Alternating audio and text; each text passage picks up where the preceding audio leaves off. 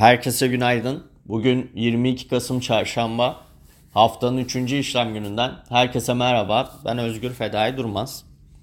Haftanın ikinci işlem gününde BIST 100 endeksi Viyop akşam seansının normal seans kapanışının üstünde tamamlaması, global piyasalarda risk iştahının yükselmesi ve Türkiye 5 yıllık 5 yıllık CDS'lerindeki geri çekilme ile alıcılı başlangıç yaparken gün içinde de alıcılı seyrini sürdürdü. ABD'de 20 yıllık tahvil ihalesine gelen yoğun talepler ile dolar endeksi değer kaybederken bu durum globaldeki pay piyasasını da destekledi. Yurt içinde geçtiğimiz gün ulaştırma sektörü %4,5'un, metal ana sanayi sektörü %2'nin üzerinde değer kazanırken endekste hafta başından beri yükseliş %2,46 oldu. BIST 100 endeksi 3 Ekim'den bu yana 8500 seviyesinin üzerinde tutunamamasının ardından 8200 destek seviyesinin kırılmasıyla 1,5 aylık düzeltme süresi içinde 7400 seviyesine kadar geriledi. 7400'e taban oluşumuyla birlikte endekste 60 günlük hareketli ortalamanın geçtiği 7740 seviyesinin kırılmasıyla 8000 seviyesi dün test edildi. Endeks geçtiğimiz günü 8047 seviyesinden tamamlarken yaklaşık bir ay sonra 8000 seviyesini gördü.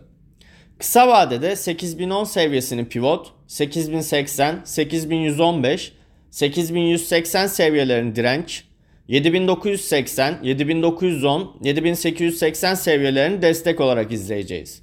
Dolar bazlı 281.5, 282,7, 285 seviyeleri direnç, 278, 275,6, 274,4 seviyeleri destek olarak takip edilecek.